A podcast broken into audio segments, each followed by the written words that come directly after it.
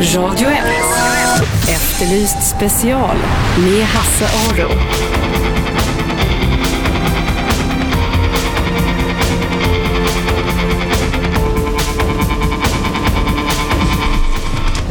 Välkomna hit, Efterlyst special alltså heter det här programmet som går i Radio 1.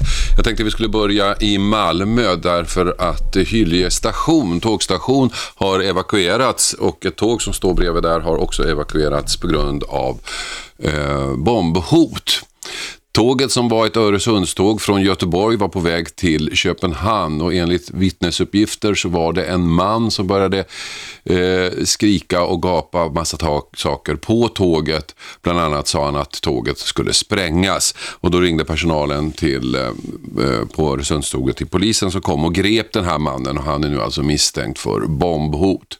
Tåget står stilla, stationen är eh, tömd. Eh, och eh, kommer vara så till åtminstone klockan två tror man på platsen. Det kan bli ännu längre än så. Och det man gör nu är att man väntar på, eller möjligen har bombgruppen i södra Sverige då i Skåne redan anlänt till platsen och det är ju då deras uppgift att söka igenom det här tåget och se om det verkligen finns något sprängmedel på det. Och eh, en händelse som ser ut som en tanke var att jag i förra veckan i fredags faktiskt pratade med chefen för bombgruppen i Malmö, Göran Månsson, som antagligen nu befinner sig på platsen i Hyllie och söker igenom det här tåget. Vi pratade om deras arbete och om vad bombgruppen gör. Och så här sa han om vilket det vanligaste uppdraget för dem var. Ja, de vanligaste uppdragen vi har är ju att, att ta hand om eh, granater och, eh, som, som folk hittar i källare på vindar i samband med dödsbon och, och när man städar sina stugor. Mm. Så folk har det liggande hemma alltså? Ja, det finns ju mycket material kvar. Alltså folk har ju gjort eh, genom tiderna i värnplikten. Mm. Och då har man ju plockat hem eh, eh, minnessaker så att säga då till, till eh, gården. Och sen har tiden gått. Det här kan vara från 1910, 1920 och sen går ju tiden och mannen i familjen dör och änkan är kvar. Och, och blir då orolig vad det här är för någonting. Mm. Och sedan kan det vara att man, man säljer sitt eh, hus och så upptäcker man någonting på vinden. Vad ska man göra då om man, om man, om man har ett hus med en, eller hittar en granat på sin vind? Är, det, är de inte ganska säkra ändå? Ja, det man ska göra det är att ringa polisen och sen så får, eh, oavsett var de nu är, så får de ju ringa ner till oss så att säga. Alltså mm. till exempel då Kronobergs län, då ringer de ner till oss och sen så gör vi en bedömning eh, utifrån eh, den information vi får och, och eh, eventuellt en bild som vi gör en bildbedömning på. Mm. Så vi gör en analys på det. Ja, och så åker ni dit om det behövs? Ja. Hur närmar ni er en sån här grej då? Det, det kan, kanske inte är helt ofarligt? Ja, vi har ju ett, eh, en rutin som vi alltid försöker köra efter. Vi, vi, eh, men nu undviker vi att gå ut med med tanke på att vi vill inte avslöja för mycket hur vi jobbar. Nej. Det man funderar på är ju er som jobbar med det här. Vad, vad är det som gjort att ni har valt just det här? Ja, det är, eh, en del av oss har ju tidigare tjänstgjort i försvaret med, med det här och en del har um, Ehm, de som har bombhundar till exempel är ju väldigt hundintresserade och eh, har jobbat med det i polisen tidigare. Så att det är ju en... Eh, eh, och sen är den här tekniska förståelsen, utmaningen att kunna hitta en lösning på ett problem och att få bort det här hotet från samhället så fort som möjligt. Mm. När man ser det här i filmer då är det alltid eh, någon väldigt komplicerad konstruktion med röda och blå kablar. En svettig man eh, som eh, inte vet vilken kabel han ska klippa och så klipper han alltid rätt kabel. Eh, ser det ut så i verkligheten? Nej, den normala verkligheten ser inte ut så. Det är ju mycket film men eh, jag vill inte gå in för mycket i detaljer på hur vi jobbar men det, det där är ju ingen omöjlighet. Nej. För om man, det, det, senaste, om jag kommer ihåg rätt allvarliga bombattentatet i Sverige, det var väl självmordsbombaren här i Stockholm. Och han hade ju förutom sprängladdning på sin egen kropp så hade han ju bilen full med, med apterad på något sätt med tuber och sånt. Och en sån bil som står så där, den inte har någon aning om hur personen i fråga har tänkt, det måste ju ändå vara mardrömmen. Ja, alltså det okända är ju naturligtvis farligt. Jag uttalar mig inte om det ärendet för det är ju förundersökningssekretess ja. på det. Men, men eh, i stora drag så, så är det naturligtvis, vi gör ju en bedömning beroende på vad vi får in för information. Ja. Lite fact-finding och sen så utifrån det så gör vi en, en, en plan. Mm. För jag kan tänka mig om ni, om, jag menar, om ni har en granat och ser ni vad det är, ni känner igen den, ni vet hur de funkar. Men en bil som ni vet är fullständigt livsfarlig, det måste ju vara eh, en mardröm. Det är oerhört svårt, ja det är, det är, det är helt klart. Mm. Hur ser hotbilden ut generellt? Uh, ja, vi, vi har ju i, i, i Skåne kan jag säga, i Malmöområdet, så, så under 2011 så hade vi ju 14 sprängningar. Alltså, mm. Uh, sprängningar som, som uh, har använts då alltifrån uh, restauranger och bilar med mera. Och det här året så är vi uppe i, i åtta sprängningar hittills. Mm. Mm. Och hotbilden har väl inte blivit värre i, i, i, i vår värld. Men däremot så tror jag vi leder ligan i Sverige och även i Skandinavien när det gäller antalet sprängningar i, i eh, vårt område. Mm. Vi har ju eh, Skåne, Kronobergs, Jönköping, Kalmar och eh, Blekinge som vårt huvudansvar. Betyder det att er bombgrupp är större än på andra ställen i landet? Nej. Nej. Eh, vad är det svåraste då med, med ert jobb? Det är att kunna göra en korrekt bedömning eh, mm. vad, hur farligt objektet är och sen utifrån det göra en, eh, en plan på det. Mm. Och eh, det är ju så, gör vi ett misstag, en felbedömning, eh, så kan det ju sluta med katastrof. Om en bomb, alltså om en narkotikahund missar ett eh, narkotikabeslag så är det ju naturligtvis inte bra. Men om en bombhund missar en bomb mm. så är det ju katastrof. Mm, jag kan tänka mig det. För att när jag går till jobbet så jag, kan jag göra sju, åtta misstag om dagen och det gör inte så mycket. Men i skarpt läge så kan inte ni göra ett.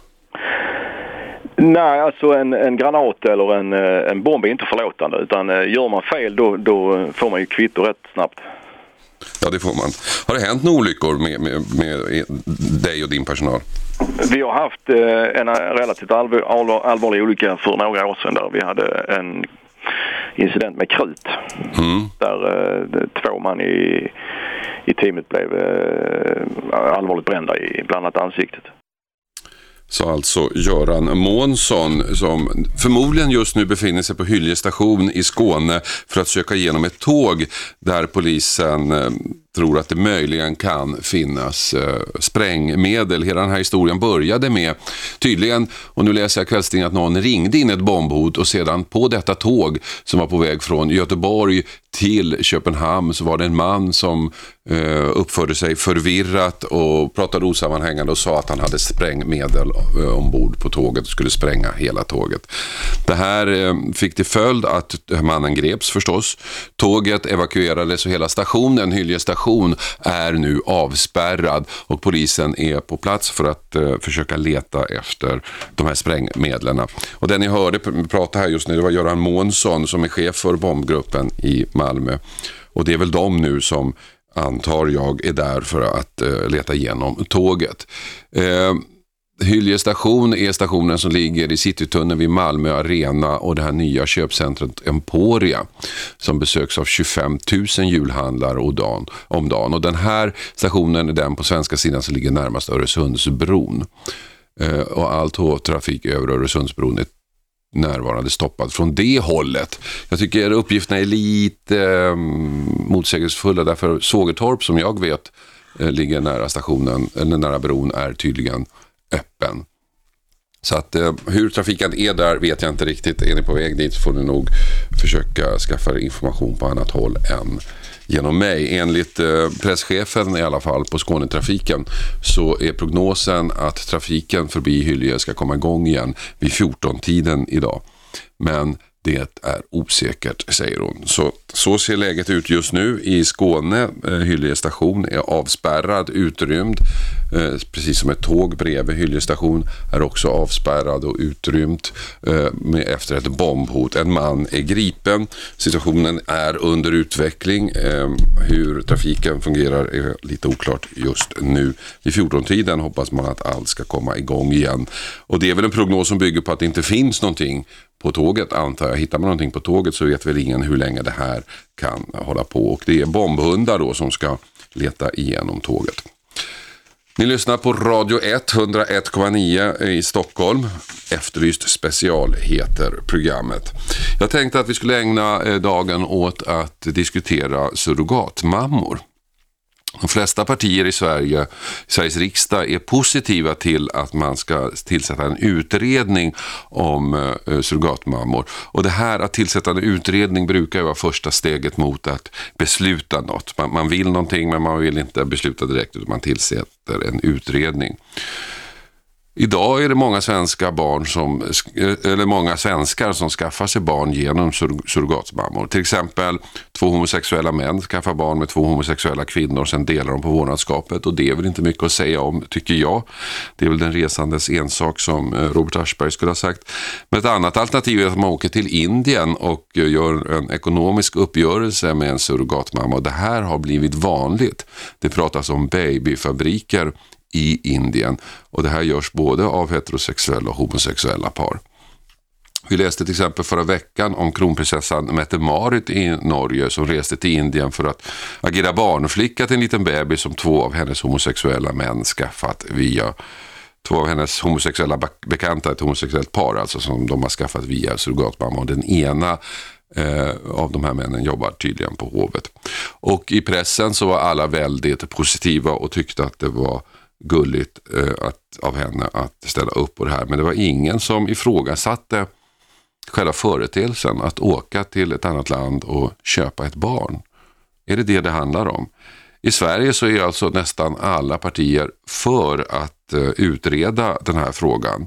Vilket då kan vara, som jag sa tidigare, ett försteg till att tillåta surrogatmammor i Sverige. Det är ju inte tillåtet eh, så tillvida att eh, själva företeelsen är juridiskt tillåtet om man gör någon slags privat, upp, eh, privat eh, överenskommelse så är väl det en annan sak. Jag läste en grej på nätet angående här på en ett så här chattforum eller ett forum som handlade om det här. Då var det en, en kvinna som har skrivit jag och min man valde att skaffa surrogat mellan oss och kvinnan eftersom jag inte kan bära fram mer barn. Vi betalade i förskott och hon inseminerade sig med min makes spermier. Allt gick bra och nu har vi barnet hos oss.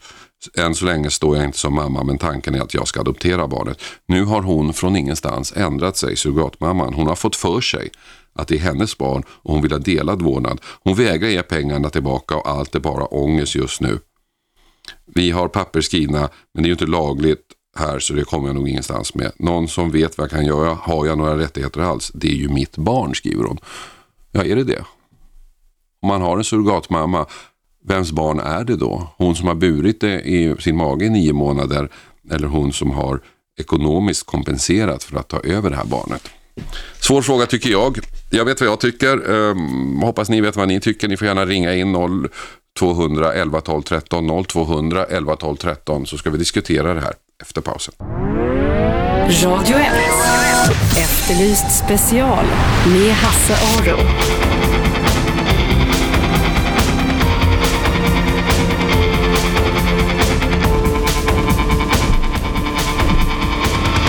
Välkomna tillbaka till Efterlyst special här på 101,9. Jag tänkte vi skulle diskutera surrogatmammor. De flesta partier i Sveriges riksdag är positiva till att det ska utredas om det här ska bli tillåtet i Sverige, vilket det ännu inte är. Och en utredning är ju alltid första, stegen till att, första steget till att ändra en lagstiftning. Eh, så att jag tror att man kan dra slutsatsen att de flesta partier i Sveriges riksdag är positiva till detta. Eh, idag skaffar ju många svenska barn, eh, många svenskar skaffar ju barn genom surrogatmamma till exempel, genom att två homosexuella män skaffar barn med två homosexuella kvinnor och sen delar de på vårdnadskapet och det tycker jag är inte så mycket att säga om. Ett annat alternativ är att man åker till Indien till exempel och gör en ekonomisk uppgörelse med en surrogatmamma och det här görs idag av både heterosexuella och homosexuella par. Faktum är att det finns eh, veritabla barnfabriker i Indien. Vi läste till exempel förra veckan om att kronprinsessan Mette-Marit i Norge reste till Indien för att agera barnflicka till en liten baby som ett homosexuellt par hon känner hade skaffat via surrogatmamma där. Alla tyckte det var jättegulligt av henne att ställa upp och ingen ifrågasatte om det verkligen är moraliskt rätt att köpa barn i Indien. För det är väl det det handlar om. Vi har sett reportage i svenska tidningar om svenska par, heterosexuella, homosexuella, som åker till Indien och skaffar barn och berättar om den familjelycka de har. Men ingenstans ställs frågan, är det rätt att köpa barn från fattiga kvinnor? Jag tänkte att vi skulle diskutera det här och jag är intresserad av vad ni tycker. I Sverige så är nästan alla partier alltså för att utreda frågan. Alla utom Kristdemokraterna och Vänsterpartiet faktiskt. Och det var första gången som de eh, möts i en fråga mig vetligen. Så här säger Eva Olofsson på eh, eh, Eva Olofsson på Vänsterpartiet om sitt partis hållning. Ja, för oss handlar det dels om kvinnors eh, rättigheter till sin kropp, att livmoder är ingenting man kan köpa eller ingenting man lånar ut. Och så handlar det om hur vi ser på barns och barns rättigheter. Barn kan aldrig vara en vara, men barn är inget heller som man kan bära fram och ge bort. Eh, vi tycker ju att eh, surrogatmödraskap eh, inte är lösningen på när man inte kan få barn själv eller av olika skäl inte vill få barn själv utan då får man tänka sig andra, andra sätt att underlätta på att få barn men inte surrogatmödraskap. Vad är det med, med barnens rättigheter menar du som talar emot detta? Ja, dels eh, att eh, det förekommer nu då att man eh, köper och säljer som en vara genom att kvinnor i andra länder som till exempel Indien ska bära fram och föda ett barn till ofta mm, både i och för sig välbärgade Indien men också till välbärgade amerikaner eller svenskar eller engelsmän.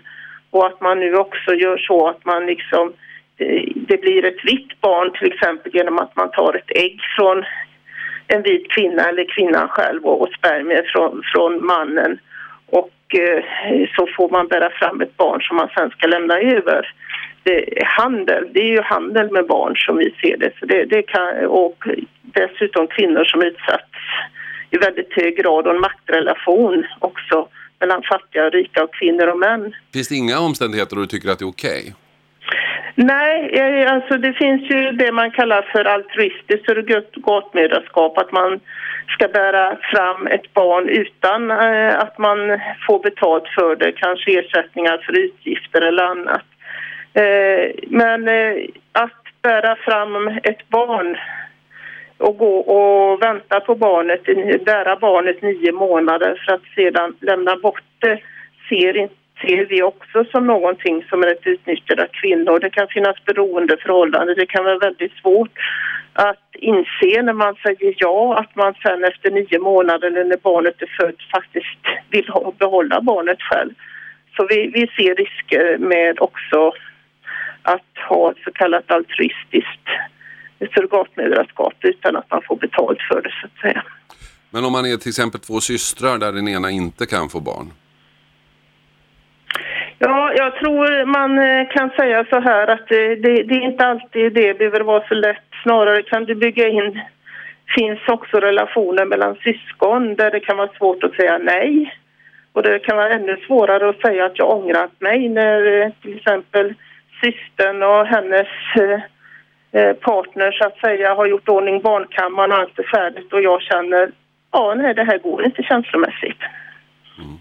I den här frågan så ställer ni er då eh, på, på, emot nästan alla riksdagspartier utom Kristdemokraterna. Det, det, det är ju en lite märklig eh, allians kan man säga. Eh, ja, alltså det är väl inte alla partier som har tagit ställning för surrogatmödraskap. Vad man har tagit ställning till för att utreda frågan och där har man sagt att man ska titta på det ganska fritt och titta på det utifrån barnens synpunkt. Och då, eftersom vi tycker att här handlar det om för oss dels att se maktrelationer för kvinnan och att se barns rättigheter och som feministiskt parti kan inte vi se att kvinnans livmoder ska vara att bära fram barn under nio månader till andra så att säga så, så anser vi att utredningen är ett steg mot surrogatmödraskap. Man vill något, man tillsätter en utredning. Däremot så har ju inte alla partier tagit ställning för att de är för den. Eh, det är ju inte det är ju inte så sällan förekommande nu att det kanske finns ett eh, par som är homosexuella som skaffar barn med, med en, två män där som skaffar barn med två kvinnor eller en kvinna och att det är då viktigt att man kan ha, vara flera vårdnadshavare till ett barn. Mm. Men just inom homosexrörelsen så ses ju här som en viktig jämställdhetsfråga att man ska få barn även om man lever tillsammans två män. Ja, men då får man väl kanske tänka så här att det, det finns ingen mänsklig rättighet att ha barn, men man ska ha stor respekt för barnlängtan. Men då kanske man får fundera över om det finns den här lösningen att man faktiskt inte behöver vara den lilla fåmanliga kärnfamiljen som inte så att säga ska ha någon kvinna med i spelet utan då kanske man får tänka att man faktiskt får ha ett barn ihop med en eller två kvinnor. Mm. Eh, redan idag förekommer ju, det är inte helt ovanligt att eh, eh, par homosexuella och heterosexuella åker till Indien för att skaffa barn. Och vi läste i tidningen häromdagen om norska prinsessan som hjälpte, hjälpte ett gaypar hon kände att passa deras barn. Hur ska man komma då till rätta med, med den här verksamheten tycker du? Ja, det, det jag tycker att, jag tror att man måste diskutera den väldigt tydligt på ett internationellt plan. Det är ju inte egentligen, eh, behöver vi kanske också titta på hur vi ska göra i Sverige. De barnen är ju efterlängtade och älskade och att det blir bra föräldrar tvivlar jag inte på. Men jag tycker att det är ett gravt utnyttjande av kvinnor i Indien i en helt annan situation. Eh, att eh, det är ofta fattiga kvinnor i Indien och det är en risk varje gång man går igenom en graviditet också. Det ska vi ju inte sticka under stol med. Eh, och jag tycker alltså att det är helt fel att ta och betala för barn. Det handlar ju om en form av barnhandel. Vi får inte köpa barn för adoption. Ska vi då köpa barn att en kvinna går och bär ett barn i nio månader och sen inte har någon rättighet alls att ångra sig eller behålla det. För det, så är det ofta fallet i Indien. Det är ju strängare regler i USA. Där har man rätt att, vad jag vet, att ångra sig. Mm. Men eh, jag tycker att de här barnen ska naturligtvis inte drabbas men det får ju samtidigt inte vara så att det är fritt fram att åka ner och eh, inom citationstecken köpa sig ett barn då genom surrogatmödraskap i Indien. Det, det tycker jag inte att det ska vara. Eva Olofsson, Vänsterpartiet, förklarade om varför de är kritiska till surrogatmammor. Det ger upphov till barnhandel menar de. Jag såg en annan grej på ett nätforum om detta. Det är en eh, kvinna som har skrivit eh, hon och hennes man valde att skaffa surrogat, alltså här i Sverige, privat uppgörelse med en kvinna och eh, de betalade i förskott och så inseminerades kvinnan med makens spermier. Nu har kvinnan ändrat sig. Hon har fått för sig att det är hennes barn, skriver den här kvinnan som då blir av med sin surrogatbebis.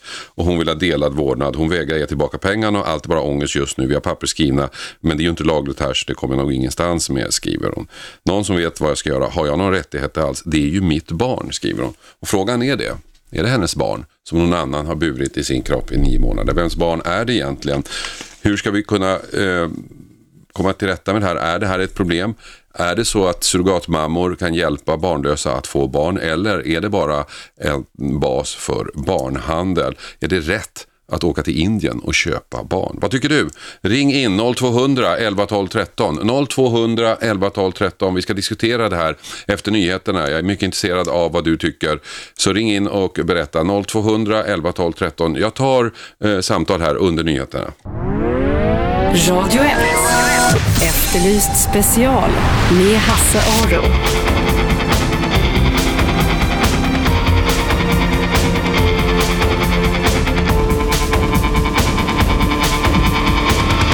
Välkomna tillbaka till Efterlyst special. Vi diskuterar surrogatmammor här. Eh, detta med anledning att de flesta partier i Sveriges riksdag eh, är för att man ska utreda frågan, vilket brukar vara samma sak som att man vill att lagen ska ändras. Vi hörde före pausen Eva Olofsson på Vänsterpartiet förklara varför hon och hennes parti inte tycker att man ska utreda det, varför de inte vill tillåta eh, surrogatmammor. Surrogatmammor är alltså en kvinna som föder ett barn åt en, ett annat par eller en annan kvinna. Och vi läste ju förra veckan kronprinsessan av Norge, Mette-Marit, åkte till Indien för att ta hand om en liten flicka som hade fötts åt ett homosexuellt par som hon känner av en indisk kvinna. Eh, de kunde av någon anledning inte själva vara där just då så hon åkte ner och tog hand om detta. Detta hyllades och hon var medmänsklig och allt så här. Men ingen ifrågasatte själva grejen. Är det okej okay att köpa barn i Indien? Och jag tyckte att ni skulle ringa in 0200 11 12 13. Berätta vad ni tycker. 0200 11 12 13. Anneli är med. Ja. Ja, vad tycker du? Jag tycker om man inte själv kan få barn så tycker jag att det är okej. Varför? Eh, om den andra partnern eh, går med på det. Mm. Mm. Men eh, hamnar man inte i ett konstigt läge då? Liksom, barnet då? Är det, är, det en, är det en bytesvara som man kan ge bort hur som helst? Nej, det kan man inte göra. Man eh, har, eller ja, kan man inte själv få barn för jag tycker att det är jättebra. Mm. Om man, om man, att åka till Indien då och köpa barn? Nej, det tycker inte jag då. då. Var ska man dra gränsen? Då blir det lite svårt här. Okej. Var ska man dra gränsen tycker du? Eh, ja, inte åka så långt tycker jag. Ja. Men jag menar om man är, om man är, om man är två systrar. Den ena kan inte få barn Ja. och den andra har flera barn och så säger hon att jag kan föda ett barn åt dig. Det tror jag de flesta tycker är okej. Ja. Men att betala någon som man inte känner. Ja, ja, jo, ja det är klart. Men eh, om man säger så här då. Eh, jag har en partner som eh, eh, till exempel eh, hjälper en annan kvinna att bli med barn. Mm. Och man själv inte kan bli med barn. Mm. Så tycker jag att det är okej. Men tror du inte att det är svårt? Har du själv barn? Jag är inte själv barn, nej. Nej. Men tror du inte att man hamnar, om man, om man då bär ett barn i nio månader och sen ska ge bort det, är inte det en, kan inte det vara en väldigt tuff situation? Jo, visst kan det vara en jättetuff person. Eller, Situation? ja, situation. Ja. Eh, men eh, om den partnern eh, säger att det är okej så... Okej, eh, Kristina, eller förlåt Anneli, tack ska du ha för att du ringde. Vi ska höra vad Eva tycker. Eva är här. Ja, Ja, hejsan. Nej, jag tycker inte att eh, man ska tillåta surrogatmammor mer än på sin höjd till kanske ett tvillingpar eller ja, inom familjen så att barnet får växa upp i sådana fall inom familjen. För man kan inte, man kan inte kontrollera en surrogatmamma. Man kan, man kan inte, hur mycket hon än säger att jag vill inte ha fler barn och jag har bra ekonomi och allt det här så kan det hända saker i kroppen under graviditeten. Det kan hända saker i kroppen efter hon har fött det här barnet som ändrar hela hennes, hennes inställning till det här att ge bort barnet.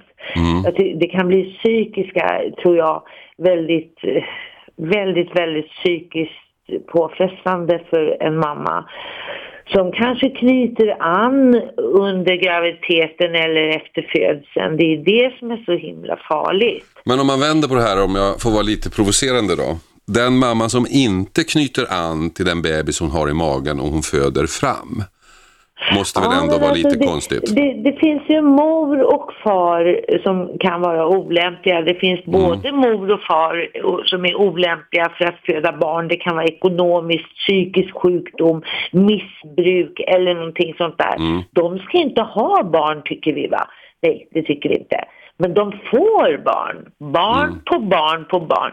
Och varför inte kontrollera då de här biologiska föräldrarna lite mera och, och syna dem i sömmarna och, och kanske eventuellt erbjuda dem en abort för att de som är totalt olämpliga jag hade, en, jag hade ett program på radion förut för många, många år sedan.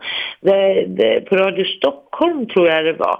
Där de höll på att gnälla och diskutera den här B, B, BB, BB-avgiften som när man föder barn in på BB. Ja. Och eh, det var ju en speciellt, jag glömmer inte hans namn, han hette Benny, hoppas han lyssnar nu. Att eh, han gnällde så in i vassen på att, att vi skulle behöva betala BB-avgift när vi låg inne på BB för att föda barn. Plus att han dessutom förlorade arbetsinkomst för att ta ledigt och åka till BB. Jag menar sådana sådana gnidna ämnar skulle väl för sjutton inte ens behöva ja, fundera på att skaffa barn Nej. då. För hur, hur många är det inte som gladeligen skulle betala en BB-avgift och så och ta ledigt från jobb, sådana som inte kan få barn va? ja, det finns ju tydligen många som är beredda att betala eh, kvinnor i Indien och resor dit och allt det där. Det kan inte vara billigt.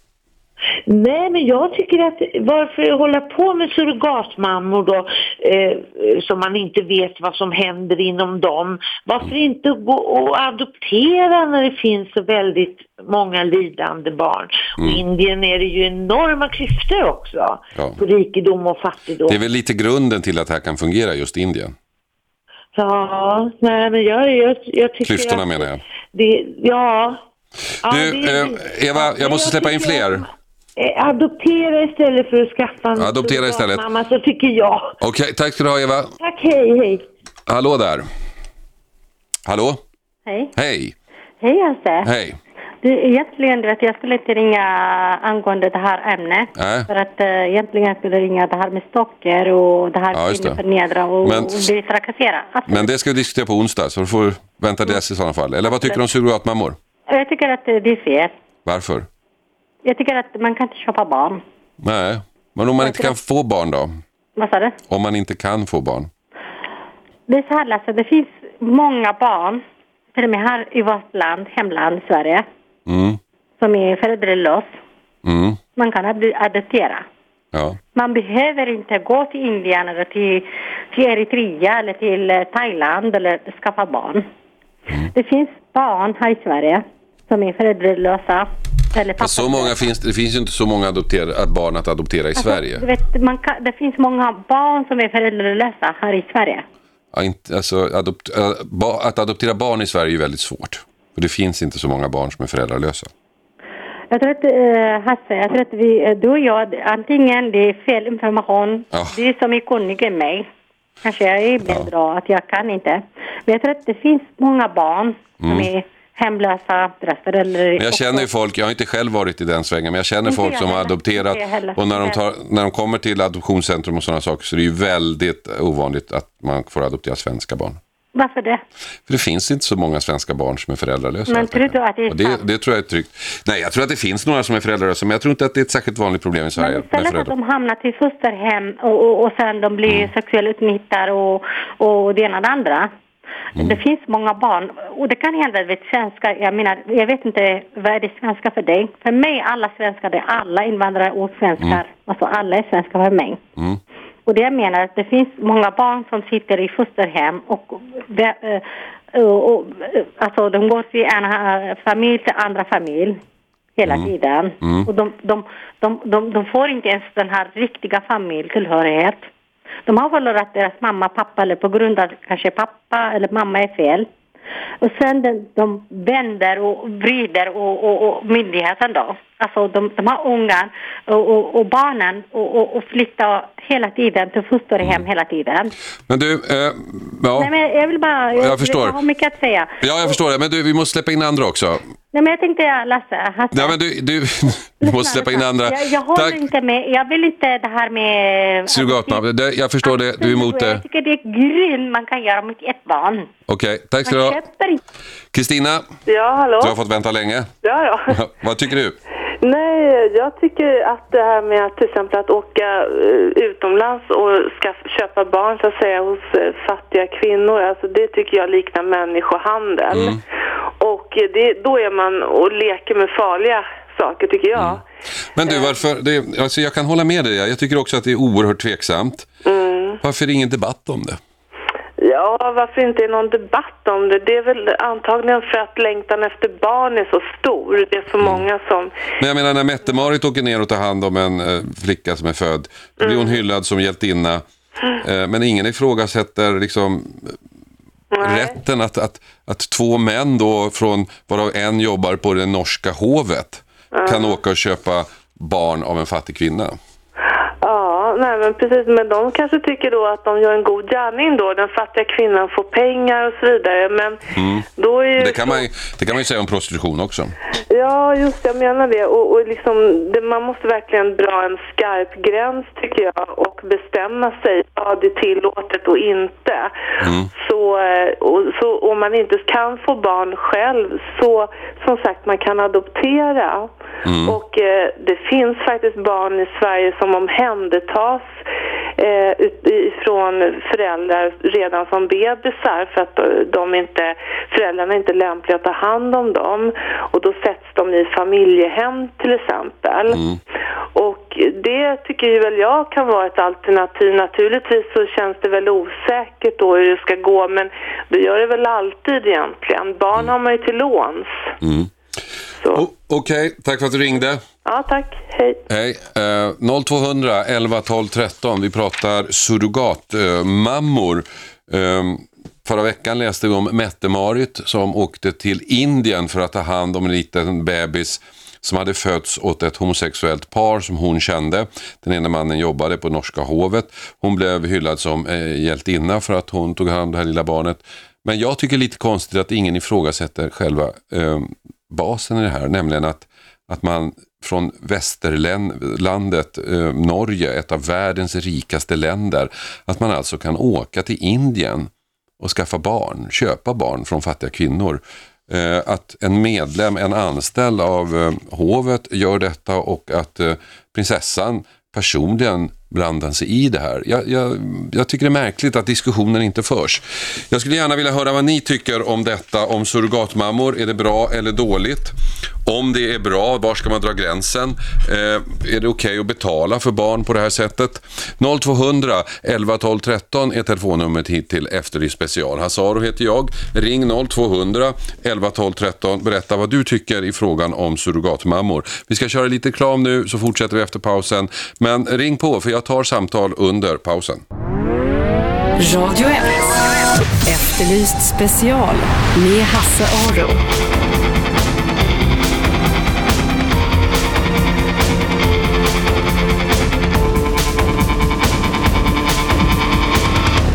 Välkomna tillbaka till Efterlyst special här på Radio 1. Vi diskuterar surrogatmammor, huruvida det ska bli tillåtet i Sverige eller inte. Diskussionen pågår ju i riksdagen.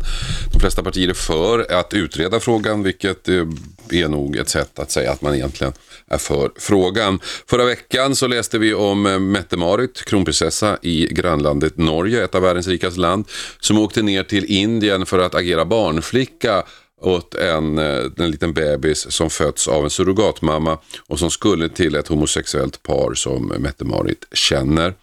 Eh, den ena av de här två männen jobbade på hovet och då hade alltså åkt till Indien för att köpa barn. Frågan är, är det här okej okay med surrogatmammor?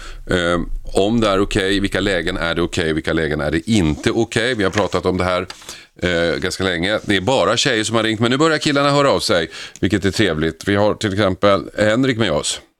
Jajamän. Vad tycker du? Nej, jag känner väl lite spontant där, med, speciellt med Mette-Marit där, att eh, lite lyxkonsumtion på något sätt. Mm. Um, och jag förstår barnlängtan och hela den här grejen, absolut. Men jag tror att man får vara jävligt försiktig där.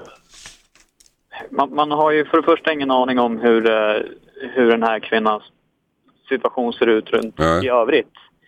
Uh, och visst kan det vara bra att kunna gå in med pengar till en sån person men jag, tror, jag har svårt att tro att de där pengarna kommer att räcka speciellt länge. Liksom. Uh, och vad händer då när pengarna tar slut? Är det så att hon kommer att behöva göra det här igen och igen och igen och igen? Jag säger, det är ingen lösning på problem. Och skulle det, och jag tycker man, den frågan man kan, stäng, eh, man, man kan ställa sig också, om kvinnan nu hade ett liv där hon försörjde själv, skulle hon göra detta? Eller gör hon det för att hon behöver pengarna? Precis, och det är ju lite där att, jag menar, återigen, det är jättebra om vi kan gå in och, och hon kan få hjälp därigenom. Eh, men, men är det här en planerad graviditet genom att Ehm, de har beställt barnet eller är det en... Ja, men ofta, är det ju, ofta, ofta handlar det om att hon dessutom inseminerar då med ja, pappans... Att, då är man ju helt ute och cyklar för mm. då, lyfter man någonting helt ur sitt sammanhang och mm. Betalar för det. Det är inte okej okay, liksom. Sen kan jag tycka någonstans att i Sverige så är det väl en annan situation. Är det så att det finns frivilliga eh, som är, kanske har gått igenom eh, psykiatrisk utredning och hela den biten man måste, mm. eh, som jag tycker borde vara ett krav för. Eh, och de står upp för det här, lite grann som organdonation. Mm. Men det är återigen jävligt en eh, knepig fråga med eh, ekonomisk ersättning och sådana grejer. För det blir ju en typ av prostitution också på något sätt. Mm. Och sen så hamnar man ju då i ett eh, kanske märkligt läge om kvinnan ångrar sig och inte vill ge bort barnet sen. Mycket Vad gör man då? Riktigt, mycket riktigt. Då blir det en väldigt konstig situation. Uh, för det går inte att köra några kontraktsklausuler på ett barn. Nej, det gör inte det. Du, uh, uh, Henrik, tack för att du ringde. Vi ska tack höra, fler killar har ringt faktiskt. Jonas. Tjena. Hej, vad tycker du? Oh, nej, men alltså det är ungefär som eh, föregående talare. Henrik. Ja, det, det, är ju risken att det blir barnfabriker liksom. Och mm. visar sig att det är en ekonomiskt bra grej, då lovar jag att då kommer det folk som, fan vi kan tjäna pengar på det här. Så blir det liksom som barnfödarfabriker liksom. Och då blir, barn, då blir barnen en handelsvara? Ja, och det, så får det inte bli. Eh, samtidigt så är det... Alltså, kan man garantera att det här är en, eh, alltså, alltså just det där med insemina- insemination, det tycker jag är, uff, då, då, då, då känns det ju riktigt fel. Alltså. Då, då, jag kan förstå, för det finns så många barn som blir till som föräldrar inte kan ta hand om. Där finns det ju en, en, eh, en, eh, biståndsfråga, eller hjälpa de här personerna då. då som, för det är dyrt med abort, det vet jag, eh, i de här länderna. Eller egentligen är det inte dyrt för oss kanske, men för dem är det väldigt dyrt. Men då handlar, det om bar- då handlar det om barn som skulle ha kommit till ändå, som så att säga redan finns. Ja, exakt. Då är det en annan fråga. Men just att man liksom gör dem till små fabriker där nere. För att tro mig, eh, hon kommer göra om det. Det tror jag också. Eh, det, och då... eh, För det föds redan för mycket människor på vårt klot Mm. eh, mot vad jorden klarar av. Men du, Eh, så jag tror att nej, det är inte bra. okej, tack för att du ringde. Det är fler som ringer. Jag måste släppa in fler. Hej. Hallå, vem där? Hallå? Någon med radion på tydligen. Vem har vi där?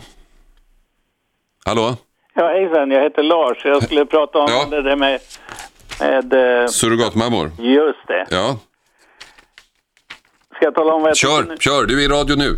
Ja, Okej, jo det är det att äh, Mette-Marit hade åkt dit. Hade nu Mm. varit en undersköterska som har samlat pengar åkt dit och hade det blivit annat ljud i skällan. Det är jag helt övertygad om. Mm. Det, det, jag är emot alltihopa, men om det hade nu varit en, en vanlig människa så att säga, Ja, då hade det blivit en diskussion som du efterlyser. det kanske, kanske. Du menar att kungligheterna står ovanför det här? Ja, alla som har mycket pengar står över moraliskt. De som har, säg undersköterskor eller chaufförer eller vad som helst. Det är det jag vill komma fram till. Intressant, intressant åsikt. Du, eh, Lars, tack så mycket. Tack. 101,9 Radio 1. Sveriges nya pratradio.